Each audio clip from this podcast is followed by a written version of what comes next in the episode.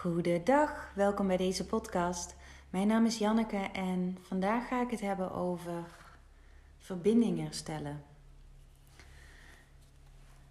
Als alles eenheid is en dus inclusiviteit, dus liefde, hoe kun je dat dan leven met al die verschillende vormen hier op aarde, die allemaal een eigen denksysteem hebben en elkaar soms totaal niet kunnen vinden daarin?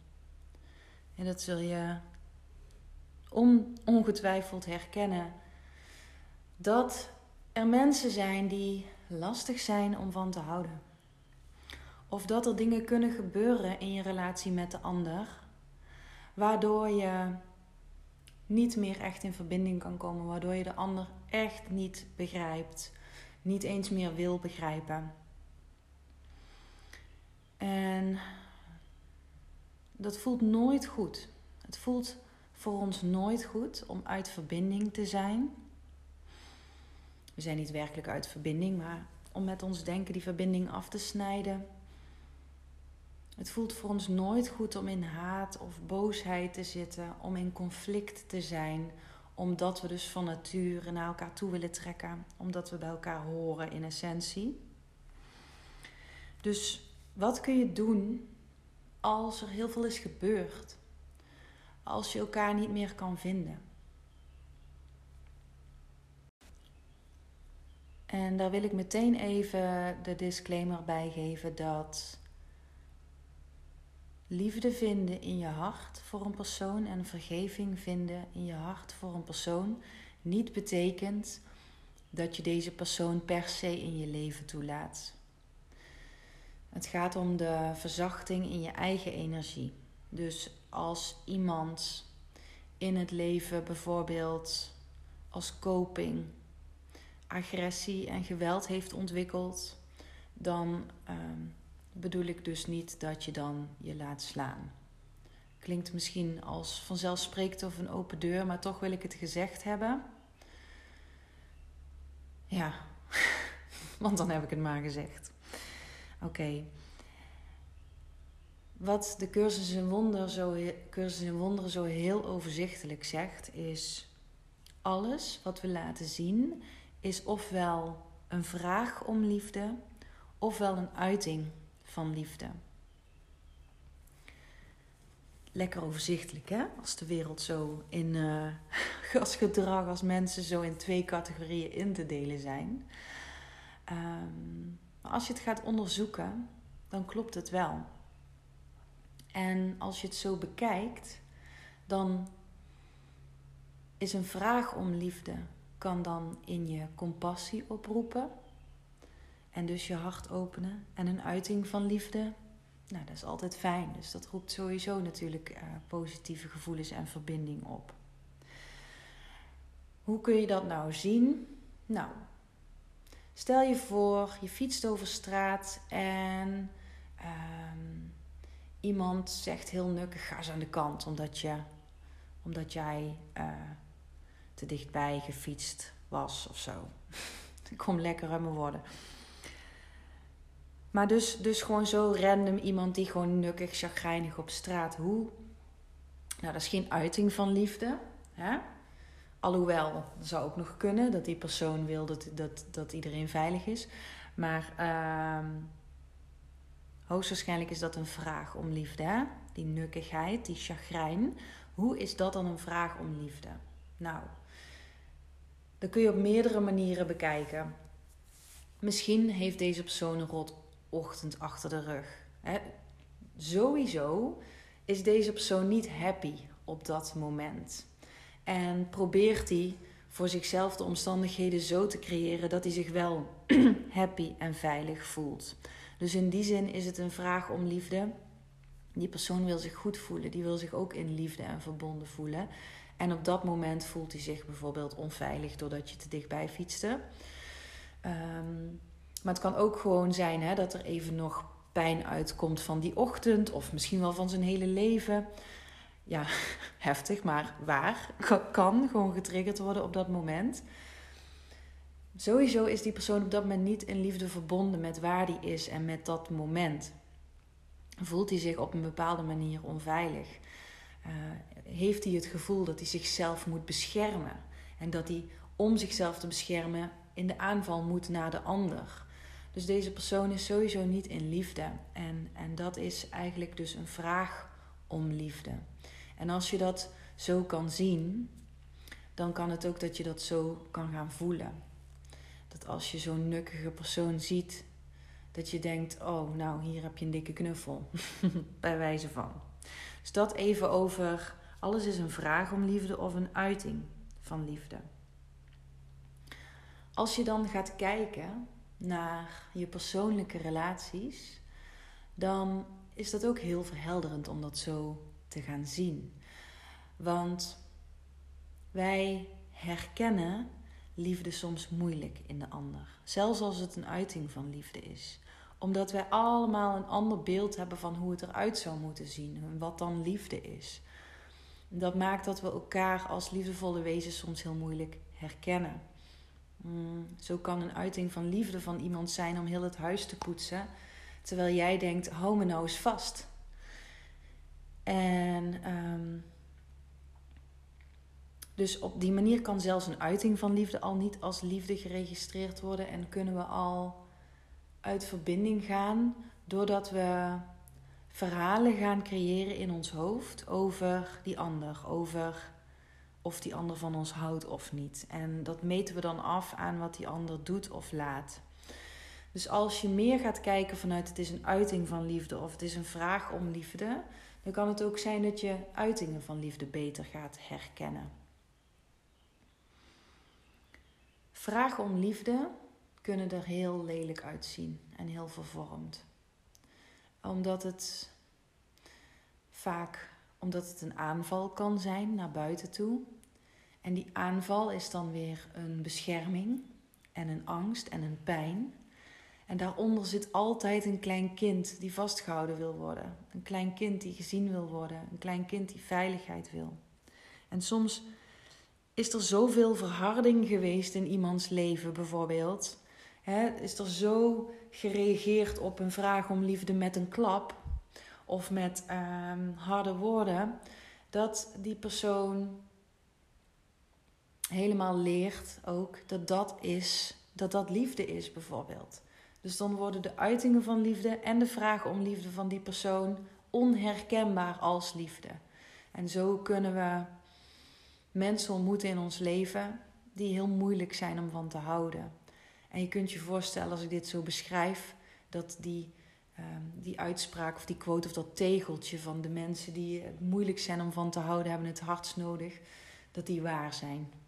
Dat die, dat die waar is, die uitspraak. En um, kun je dat herleiden naar ja, wat er allemaal gebeurd moet zijn met zo'n persoon om op die manier in het leven te staan. Want als jij geknuffeld wordt wanneer je huilt, Hè? En, en, en als er met je gepraat wordt om te kijken wat er in je speelt. En dan word jij niet zo'n persoon. Dan ben jij niet zo'n persoon. Dan leer jij heel andere dingen aan. Dan leer je dat het veilig is om je emoties te laten zien. Ehm, dan ga je geen eh, bizarre kopingsmechanismes ontwikkelen.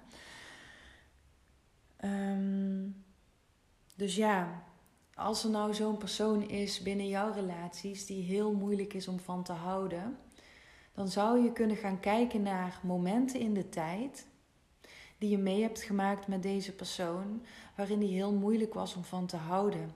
En dan zou je kunnen gaan kijken van kan ik daarin ontdekken wat daar gebeurde met die persoon en hoe dit ten diepste een zeer verwrongen vraag om liefde is. of een zeer verwrongen uiting van liefde is. Want als je zo duikt in die ander op een veel diepere laag, op de allerdiepste laag, namelijk wie die in wezen is en waar die in wezen naar op zoek is, die liefde, dan kan er verzachting in je optreden. En als je het heel helder gaat zien, dan kan er zelfs natuurlijke vergeving plaatsvinden. En vergeving is niet een daad die je doet omdat je zo'n geweldig goed mens bent. Maar vergeving vindt van nature plaats als je werkelijk inzicht hebt in de ander. Um, volgens mij zegt de cursus ook, en anders zeg ik het bij deze: alleen God kan oordelen als je God, ja, ik zie God niet als een, als een man op een wolk of zo hoor, maar als je God ziet als het alwetende, als eenheid, als het veld van energie wat, waarin alles besloten ligt, dan is dat de enige die alles weet, die alomvattend is en, en, ja, alles weet. En wij als denksystemen hebben altijd een zeer sumier beeld en, en onmogelijk volledig overzicht en begrip. Dus wij kunnen niet oordelen. We doen het wel, maar het is gebaseerd op veel te weinig. Dus onze oordelen zijn altijd uh, foutief en, uh, en onterecht, omdat wij niet alwetend zijn.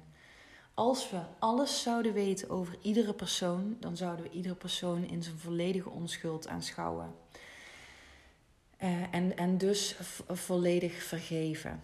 En dan kom ik nog een keer terug op mijn disclaimer. Dat wil niet zeggen dat je naast mensen met zeer destructieve patronen blijft, uh, moet blijven staan. Dus dat, uh, dat is een ander verhaal. Ja, dus natuurlijke vergeving. Ja. Dat is naar de ander toe. En als je bereid bent dat werk te doen en die dingen aan te kijken, dan is het mogelijk om verzachting en heling te voelen naar iedereen in je leven. Ehm, het, het meest uh, voor de hand liggende voorbeeld uit mijn eigen leven is, is mijn relatie met mijn moeder. Mijn moeder uh, was uh, psychisch ziek, is op van alles gediagnosticeerd. bipolair, psychotisch, theatrale persoonlijkheidsstoornis en oneenigheid daarover binnen, binnen de psychiatrie over wat het nou was. Ehm, dus dan is het aan de ene kant ehm, makkelijk ergens hè, om, uh, om de onschuld te zien. Het is vaak zo als, iets of iemand een diagnose heeft, dat je dan veel makkelijker kan zeggen: ja, maar die heeft dit of dat. En toch is het nog iets anders om dat echt te voelen.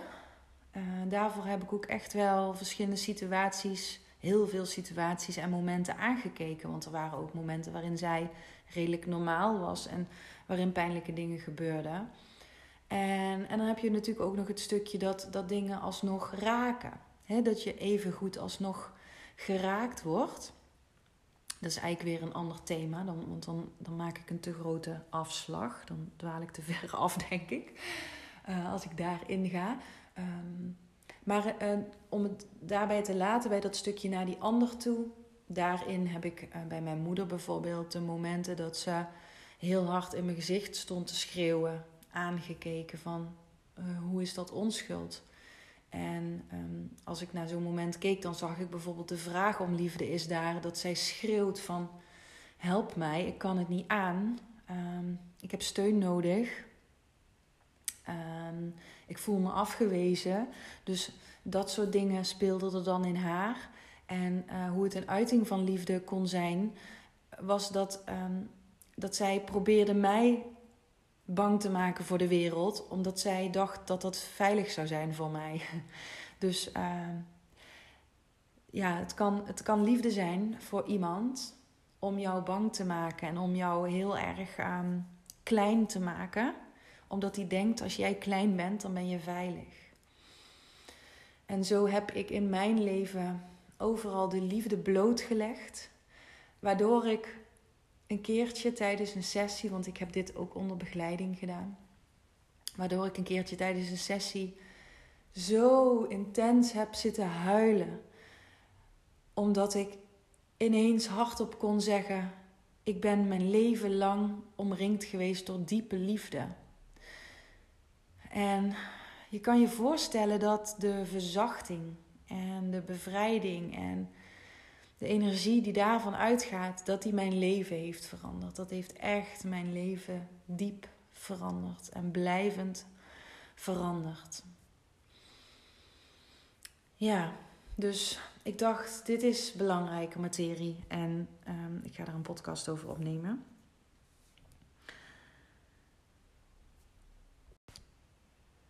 Ja, en ik zie hier nog wat korte aantekeningen staan in mijn boekje die ik erbij wilde halen, namelijk de oordelen die, uh, in jouw leven naar jezelf toe weer. Dus ehm, wat ook pijn doet in relatie tot de ander.